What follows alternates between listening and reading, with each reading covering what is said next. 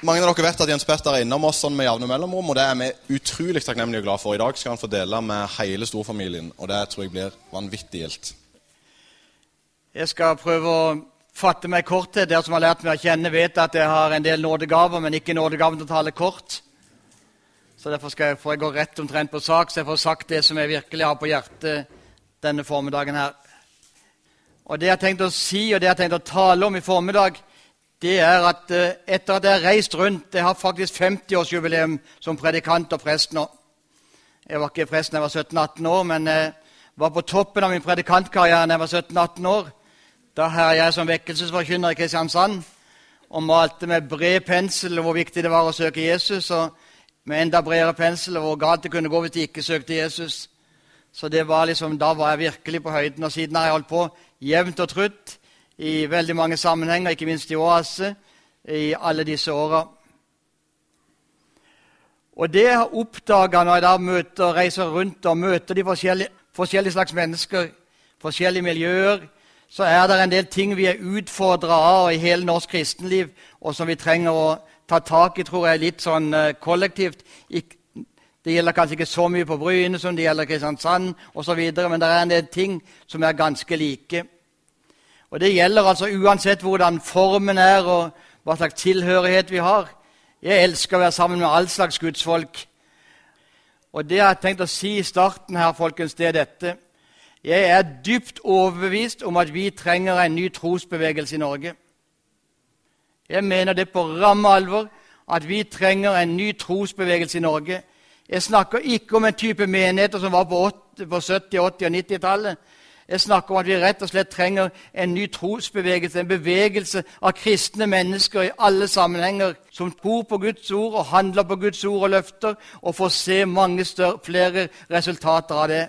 En trosbevegelse av mennesker som går på Guds ord og går på Guds løfter, og får erfare at de holder, og at de skaper forandring både i familien, på arbeidsplassene, rundt om hvor vi måtte være. Vi trenger en ny trosbevegelse en bevegelse av mennesker som eh, sier som disiplene sa en gang, 'Herre, øk vår tro. Herre, styrk vår tro. Herre, gi oss større tro.' Større tro på hvem du er, større tro på dine løfter, større tro på at du kan bruke oss midt i all vår, eh, alle våre begrensninger, alt det som ikke fungerer. Herre, øk vår tro. Vi skal lese to tekster som handler om det. Fra Lukas 17 eh, fra vers 5 først. Lukas 17 fra vers 5. Apostlene sa til Herren, gi oss større tro. Herren svarte, om dere hadde tro som et sennepsfrø, kunne dere si til dette morbærtreet, rykk deg opp og slå rot i havet, og det skulle adlyde dere. Apostlene sa til Herren, gi oss større tro. Og så fra Matteus 17, fra vers 19. Da disiplene ble alene med Jesus, spurte de ham, 'Hvorfor kunne ikke vi drive den ut?' 'Fordi dere har så lite tro', svarte han. 'Sannelig, jeg sier dere, om dere har tro som et sennepsfrø, kan dere si til dette fjellet:" 'Flytt deg herfra dit', og det skal flytte seg, og ingenting skal være umulig for dere. Amen. Det er eh, mange ting i livet som går av seg sjøl. Altså, vi behøver ikke gjøre noe, vi kan bare henge med eller gå med strømmen eller hva som helst, og så går tingene helt av seg sjøl. Men det også har jeg oppdaga etter hvert som livet mitt har uh, gått, at det er veldig mange ting som går av seg sjøl, men som ender veldig galt. Hvis vi bare lar en del ting gå av seg sjøl, så ender det plutselig et feil sted, og det ender galt. Noen ting eh, kan ende godt, og vi kan komme greit ut av det, men det er en god del ting som hvis de går av seg sjøl, så ender det plutselig et feil sted. La meg gi noen vanlige eksempler fra vanlig dagligliv på dette her. De fleste familieterapeuter i dette landet vil være enige om følgende at ethvert ekteskap egentlig er på vei mot skilsmisse og på vei mot å stagnere og enda verre altså skilsmisse eller bryte sammen, om vi ikke investerer og arbeider på det. Hvis jeg ikke investerer i ektefellen min, hvis jeg ikke investerer i familien, hvis jeg ikke gjør noe for å bevare ekteskapet og styrke ekteskapet, så går det helt av seg sjøl den gale veien og ender galt. Det går rett og slett bare av seg sjøl hvis jeg ikke reiser meg opp og blir en motkultur i min familie, i mitt liv, og gjør noe for å bevare ekteskapet. Det går av seg sjøl den gale veien og ender galt om jeg ikke gjør det, noe med det. Det er veldig mange ting, og ekteskapet er en av de. Hvis jeg ikke og det er jo det dere vil, og det dere vil gjøre, hvis jeg ikke, hvis jeg ikke gjør noe med det, så går det bare galt. Og Når jeg sitter og snakker som terapeut med ektepar eller mennesker, så har det gått av seg sjøl veldig lenge. Og så plutselig, fordi man ikke reiser seg opp og gjør noe konkret aktivt, investerer virkelig, så blir det, ender det galt. Hvis jeg slutter å trene, og hvis jeg bare spiser, så er det en del ting som går av seg sjøl. Plutselig så eh, større, blir det større her. Det blir større i hele kroppen. Jeg blir dårligere trent. Jeg blir, merker det på hele formen og alt mulig. Det går av seg sjøl. Det går kjempegodt av seg sjøl. Nå, nå, er jeg relativt slank. Jeg vil ikke si at jeg er sylslank. Det ville være å overdrive. Men bare for eh, to-tre år siden så var jeg 10-15 kilo tyngre enn det jeg er nå. Da var det litt annen fasong her. Så har jeg en kone, og det er en veldig bra kone. Hun er sykepleier. Og så har jeg en sønn som er eh, fysioterapeut. Og så slo min kone sykepleieren og min sønn fysioterapeuten seg sammen. Og så dannet de en allianse mot meg. Og så kom de til meg og så, si, så, kom de til meg, og så sier de, 'Jens Petter, vi har noe vi vil snakke med deg om.' Hvis du fortsetter å spise sånn som du gjør, og hvis du fortsetter å trene så lite som du gjør, så går det galt. Og De sa det med så mye alvor. Og du vet at du har vært sjuk nok gjennom livet at hvis du bare fortsetter på den måten der, så mister du alt, og så blir du virkelig sjuk, og du kan bli ting som er verre enn det. Du må ta deg sammen, for det, dette her som du tror bare går av seg sjøl, det ender galt. Hvis jeg lar være å trene, hvis jeg lar være å spise sunt, så blir jeg jo sjuk. Det går helt av seg sjøl. Jeg gjorde ikke noe ekstra, det bare gikk helt av seg sjøl hele tida. Spiste mye og lot være å trene. Det gikk helt av seg sjøl. Og så ble det sånn. Jeg kan ta et annet eksempel fra det kristne arbeidet. Enhver kristen menighet er alltid bare én generasjon fra å slukke lys og lukke døra. Har dere tenkt på det, folkens? Enhver menighet Vi er egentlig bare én generasjon for avkristning eller for å lukke virksomheten. Og hva betyr det for noe? Det går helt av seg sjøl hvis en ikke reiser seg opp og gjør noe. Og hva er det en må reise seg opp og gjøre for noe? Jo, en må reise seg opp og si at hvis, vi skal, hvis, vi ikke skal dø, hvis ikke det skal dø ut med oss på dette bedehuset, hvis ikke det skal dø ut med oss i denne frikirkemenigheten, hvis ikke det skal dø ut med oss på dette stedet, så er vi nødt til å reise oss opp og så er vi nødt til å prioritere både barna og de unge. Og så er vi nødt til å la de menneskene som er mellom 30 og 40 år, få styre våre menigheter. Og lett sette toner i våre menigheter. Og det er det dere har gjort. Takk og lov. Men det er jo det når jeg reiser rundt i hele landet, det er jo det som er så enormt trist å se at vi som i min generasjon vi må bevare alt vårt eget. Men det går jo helt av seg sjøl. Til slutt dør vi, og det går jo også av seg sjøl. Derfor er det jo viktig at det reises opp over hele landet reises opp mennesker som sier at nå er vi nødt til å satse på den nye generasjonen. Nå er vi nødt til å satse på de som gjør det annerledes enn det vi er vant til, og den måten vi har prioritert på. Nå er vi nødt til å la de sette dagsorden om vi skal bli bevart, om det skal være en ny generasjon. Og Sånn kunne jeg fortsette. Mengde ting både i kirkeliv, i det vanlige livet vårt. Det går helt av seg sjøl hvis ikke vi gjør noe, og så ender det galt. Og Det jeg har tenkt å snakke med dere etter denne innledningen her, og disse eksemplene her, det jeg har tenkt å snakke med dere om i formiddag, det er at dette folkens gjelder også kristenlivet vårt. Hvis ikke vi tar tak i det og reiser oss opp og virkelig ønsker å få tak i alt det Gud har for oss, og, og få leve i Hans plan med våre liv, så går det av seg sjøl for tusenvis av kristne mennesker rundt om i dette landet. Og for meg sjøl står stadig fristelse for akkurat det samme. At hvis jeg ikke gjør noe, så går det av seg sjøl. Og hva enn å gå av seg sjøl hvis jeg ikke prioriterer å leve tett på Gud, hvis jeg ikke prioriterer å ta de valgene som Bibelen snakker om, hvis jeg ikke prioriterer Jesus framfor de andre tingene, så ender jeg i likegyldighet, i halvhet, i sløvhet på forskjellig vis, eller i mismot. Og så når det har gått lenge nok, så kommer jeg inn i en sånn situasjon hvor jeg tenker at uh, det nytter ikke det kan ikke bli noe stort annerledes. Nå har, det det vært sånn halvveis såpass lenge i vår familie. Nå har det vært såpass halvveis i mitt liv. Nå har det vært såpass mye kriser så lenge. Eller nå har det vært så mye kriser her eller der, i, i cellegruppe eller huskirke eller hva det måtte være. Og så gir vi opp. Det går av seg sjøl. Og også på dette punktet folkens, er vi nødt til å reise oss opp, sånn at det ikke skal gå av seg sjøl og ende galt. For å leve et kristent liv og få lov til å oppleve all den velsignelse og alle de erfaringene som er knytta til det, og få lov til å leve det rike livet i Gud som han har for oss alle sammen, det krever at jeg ikke bare lar tingene gå av seg sjøl, men at jeg reiser meg opp og sier jeg vil noe annet.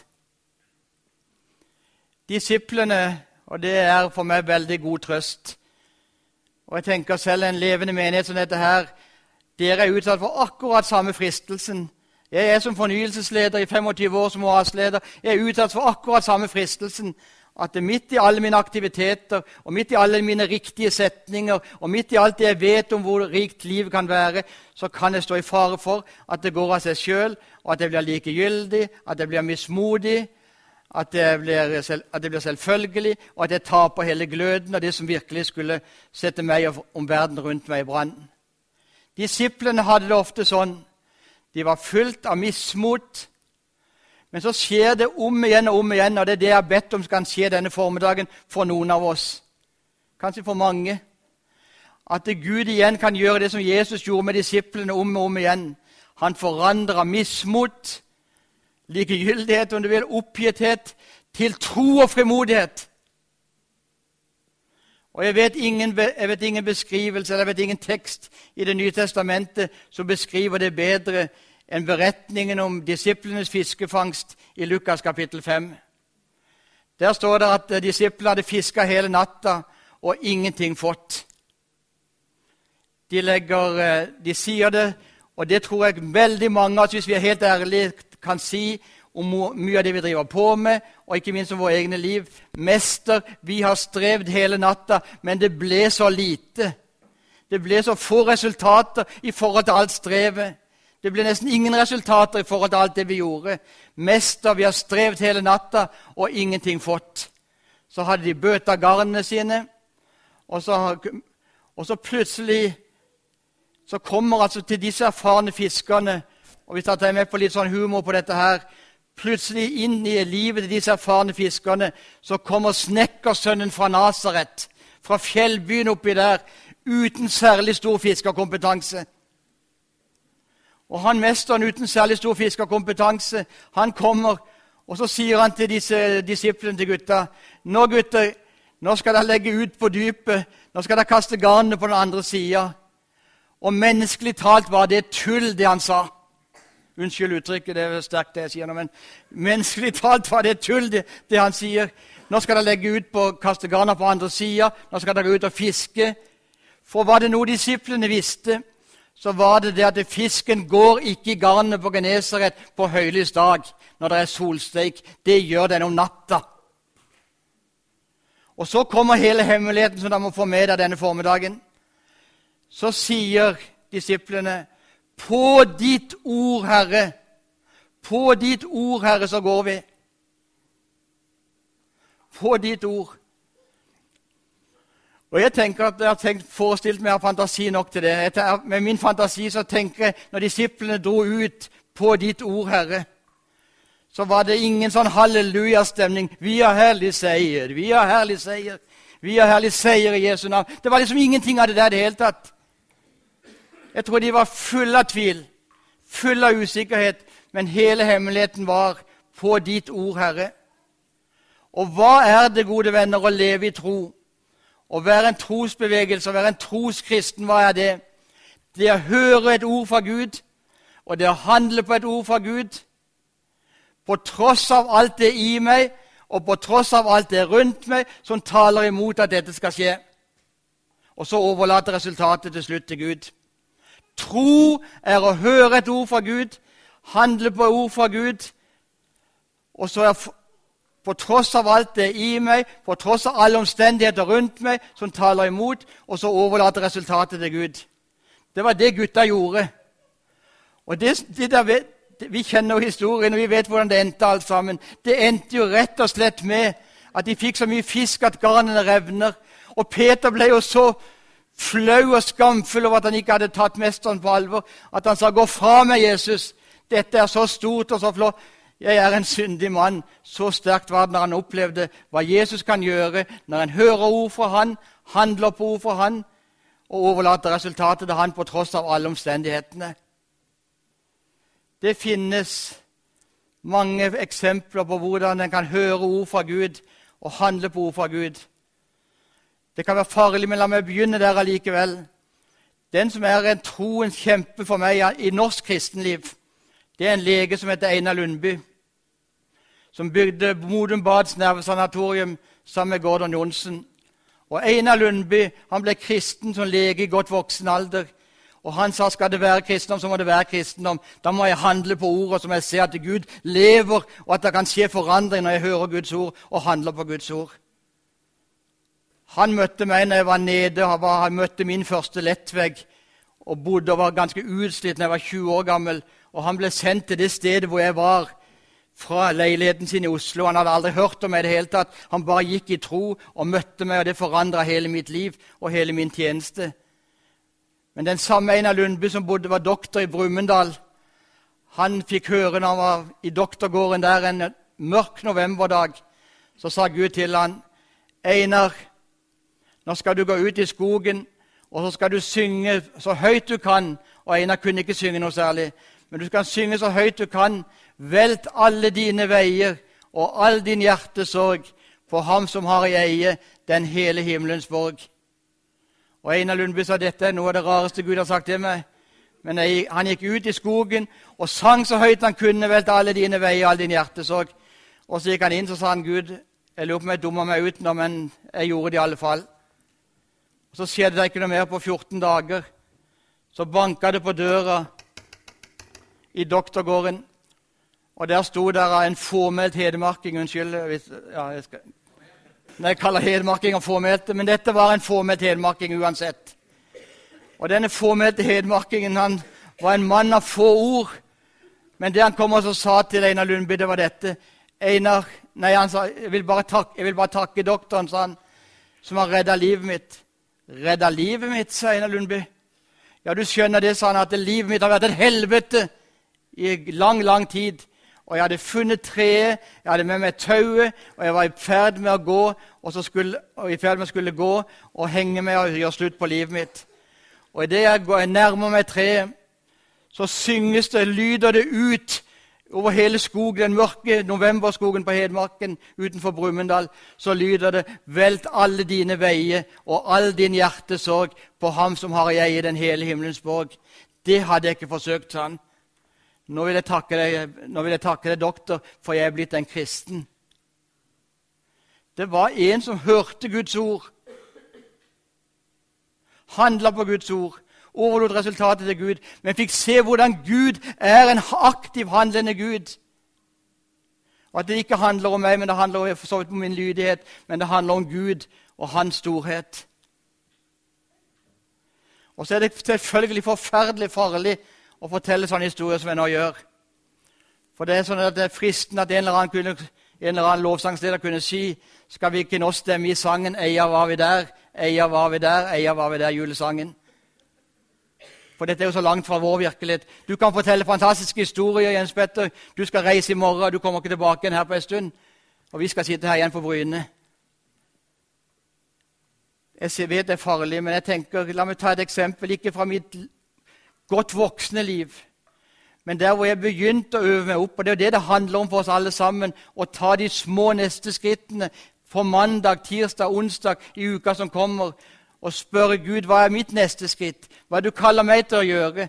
Hvordan skal jeg gå på ditt ord og handle på ditt ord, på tross av alt det i meg og på tross av alt det rundt meg som taler imot det? For det er å leve i tro, og det å være at denne menigheten er en trosbevegelse. Jeg var ung predikant, og dere som opplever at jeg er ivrig nå Nå er jeg blitt en sedat gammel mann i forhold til jeg var da.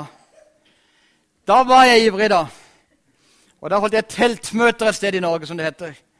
Virkelig teltmøter av den gamle, gode typen. Og det var skikkelig vekkelsesmøter. Jeg talte, jeg husker den kvelden enda den talen. Jeg ga alt. Og det jeg ga på slutten, det var det jeg sa til den menigheten eller det gjengen som var på teltmøte. Nå, folkens, hvis dere virkelig vil ta Gud på ordet, så skal dere se, merke at det kan skje fantastiske ting. Det er sånn som omreisende predikanter kan si med stor styrke. For vi reiser jo allikevel. Og jeg ga alt og sa dette her så det virkelig, så det virkelig holdt. Og så slutter møtet, og så går folk ut. Så kommer det fram en mann, og han er sånn vel noe av det krankeste jeg har sett i mitt liv. Han gikk sånn og hadde de lydene omtrent der. Og Så kommer han mot podiet, og så ser han meg inn i øynene og så sier han, 'Jørgensen, hvis det du har sagt i kveld, er sant, så har jeg fått tro for at jeg skal bli helbreda.' Vet du hva jeg sa? Så fint, broder, sa jeg, men jeg tror ikke vi skal gjøre det i kveld.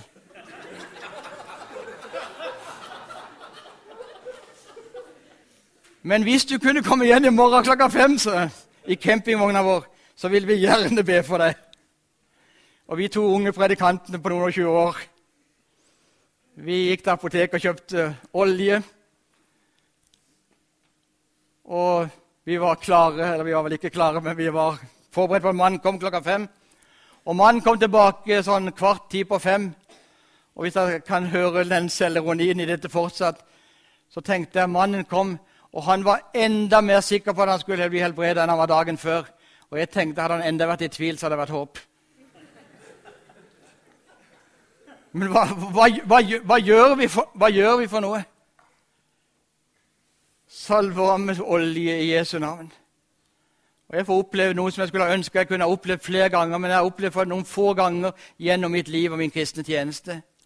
I løpet av en halvtimes tid så knaker de alle sammenføyninger av den mannen.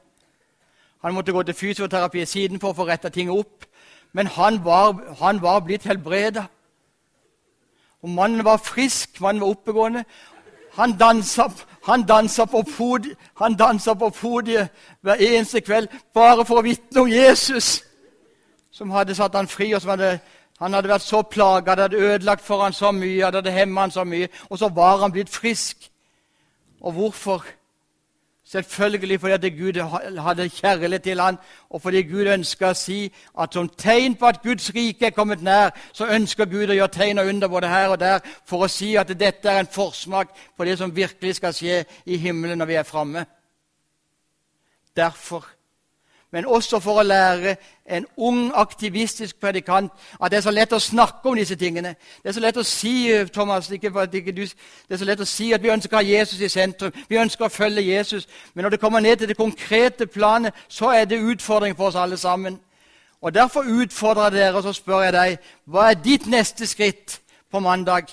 Når Gud ber deg Dele når du kommer, møter en eller annen på arbeidsplassen eller på skolen i morgen, og Gud ber deg dele et vitnesbyrd, og du sier det er jo helt umulig. Hva er da troens holdning? Hva er det da å være en trosbevegelse? Da er det å si Gud, på ditt ord går jeg, på tross av alt det som taler imot det, på tross av alle omstendigheter, og så overlater jeg resultatet til deg. Når Gud kaller meg til å skape forsoning der det er kulde og avstand, og du sier det er umulig, så sier jeg ja vel, Gud, på ditt ord, Herre, på ditt ord, Herre, på ditt ord, Herre, så gjør jeg det. Og så tar jeg sjansen på at det, at det holder, for du står bak dine ord, og du står bak dine løfter. Når Gud ber meg, jeg møter et menneske som er syk, og jeg får det hintet når Gud sier kanskje du skulle legge hånda på han og spørre kan jeg få lov til å be for deg. Kan jeg få lov til å velsigne deg? Kan jeg få lov til å bare være nær hos deg? og, og da kunne si Alt i meg taler imot det, men Gud, på ditt ord og dine løfter gjør jeg det, og så overlater jeg resultatet til deg. En trosbevegelse. Det er farlig å høre om de store eksemplene, men Gud ønsker å begynne med de små tingene hos oss, og så vil Han sette oss over stadig større ting. Den som er tro i smått, vil jeg sette over større ting. Vi trenger å se, dere trenger å se på bryene at fjell blir flytta. Det er mange fjell som trenger å flyttes i denne, i denne byen. Poenget mitt er at dere trenger å se mange ting forandre her. Det er det som er hele poenget. Fjell flytta. Og da sier, kommer jeg ikke til dere og sier nå må vi mobilisere og bli sterke og virkelig få tro.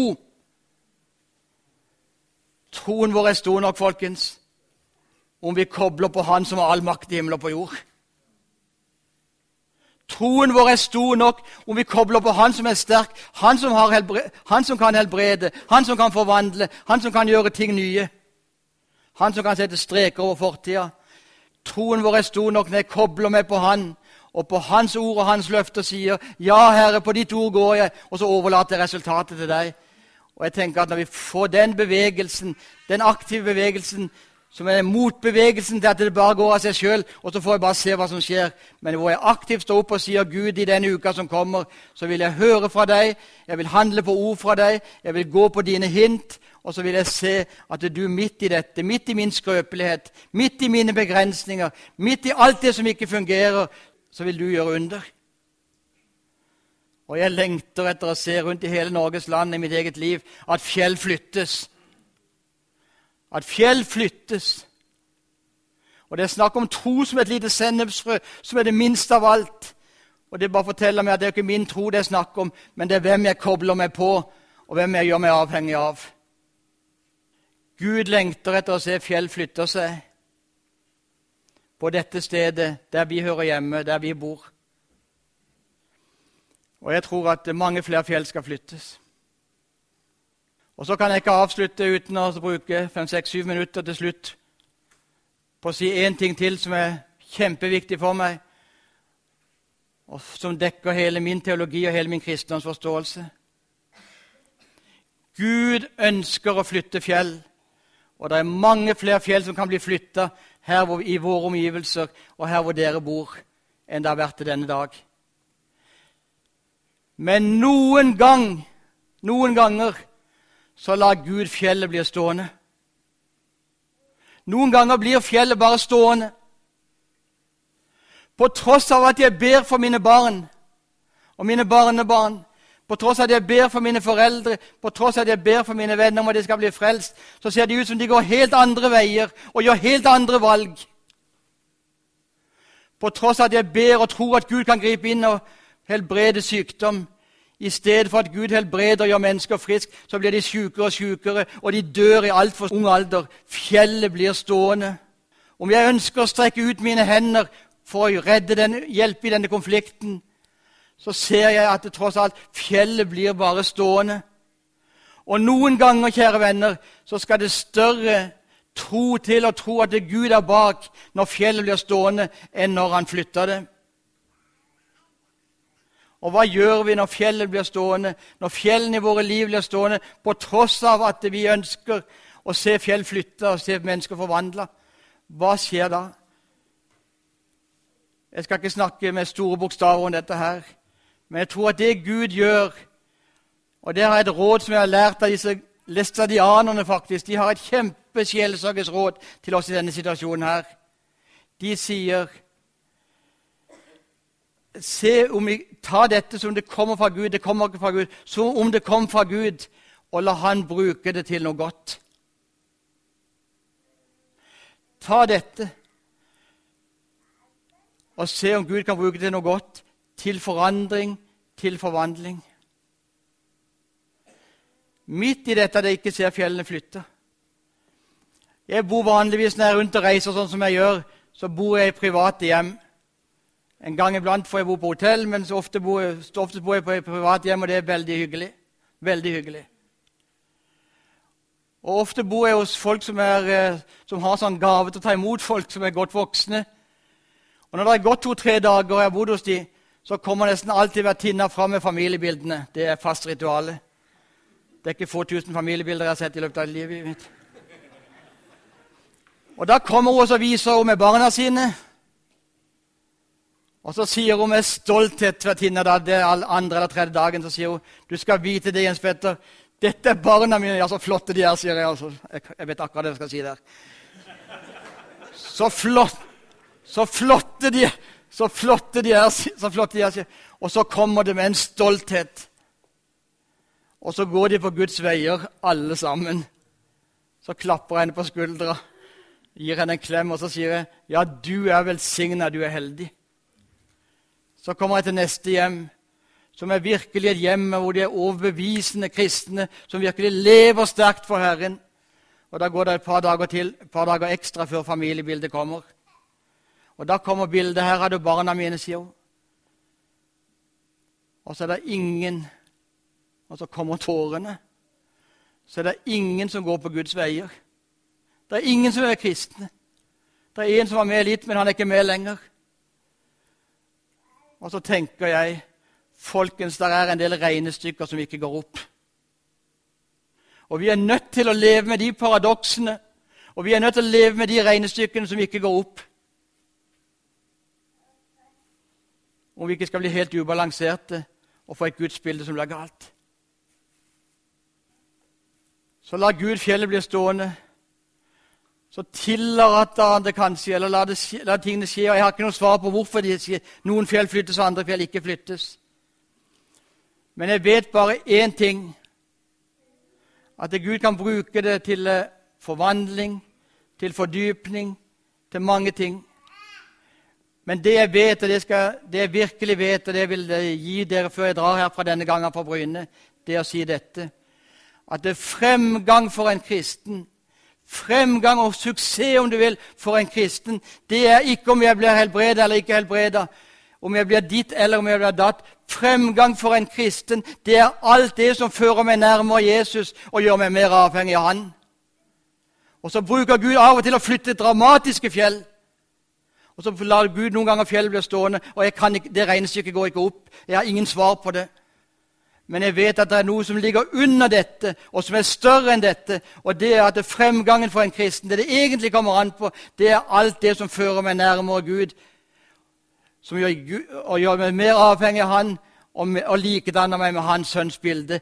Det er fremgangen, det er suksessen, det er målet for alt det vi driver på med. Men vi følger Gud underveis, vi går på Hans ord og løfter, vi ønsker å se fjell flytta. Noen ganger gjør det det ikke. Jeg har opplevd i mitt eget liv, og jeg skal ikke dra mer sykdomshistorie for dere, annet enn å si at jeg bare for tre år siden opplevde det at jeg hadde tre diagnoser eller tre sykdommer som jeg godt kunne ha dødd av alle tre. Og folk ber for meg, og det skjer tilsynelatende de første, Når det var for det dramatiske, det skjer ingenting. Men mitt vitnesbyrd fra de tre år tilbake og mitt vitnesbyrd i dag det er ingen sånn teatralsk avslutning, men det er å si, og det sier jeg fra dyp og dyp av mitt hjerte, at Jesus har aldri vært så stor for meg som han er i dag. Jesus har aldri vært så umistelig for meg som han er i dag. Jesus har aldri vært så god med meg som han har vært i dag. Og det oppdager jeg helt der på dypet, når jeg var i dødens forværelse, og tilsynelatende ingen fjell ville flyttes. Folkens, det det kommer an på Det viktigste og fremgangen for en kristen og suksessen for en kristen, det handler om å bli mer og mer likedanna med Hans sønns bilde. Alt som fører deg nærmere Jesus, er fremgang. Og så bruker Gud og mennesker forskjellige ting. Men det det handler om, det er å komme nærmere Han og bli mer og mer likedannet med Hans sønns bilde. Sånn at våre liv og denne menigheten først og sist er en avspeiling av Hans herlighet, av Hans kjærlighet av Hans storhet. Gud være lovet. Amen.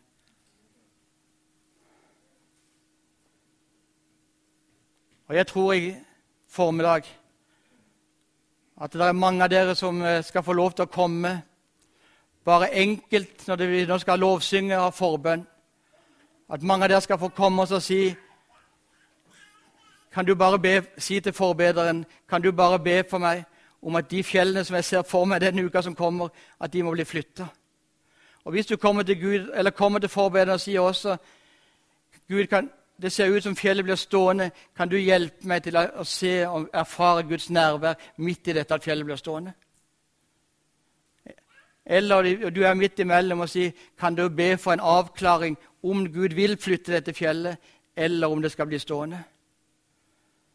Folkens, jeg tror det, nest, Hvis vi er ærlige med hverandre, så har vi noe å snakke med Gud om ut fra det jeg snakka med dere om nå, alle sammen.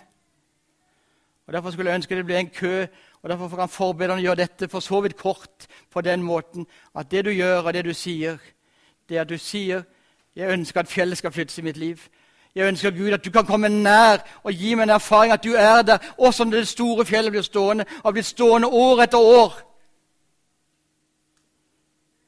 Gud ønsker å flytte fjell, og noen ganger blir fjellet av uforståelige grunner stående. Og Da trenger jeg mer enn noen gang at Gud kommer og er så nær og er så god og virker så sterkt i mitt liv at jeg vet at ingenting kan rive meg ut av Hans hånd. Under lovsangen er det anledning til å gå fram til forbønn om det vi nå har snakket om, om å be om fjell skal flyttes, om å få kraft til å gå på Herrens ord i uka som kommer, om hjelp til å få lov til å bære det at det fjellet blir stående. Forbederne vil dere bare trekke bort der, og så under lovsangen også er det anledning til å komme og ta imot. Ta imot forbønn og søk forbønn, så vi kan bli en trosbevegelse som Gud kaller oss til. Gud være lovet.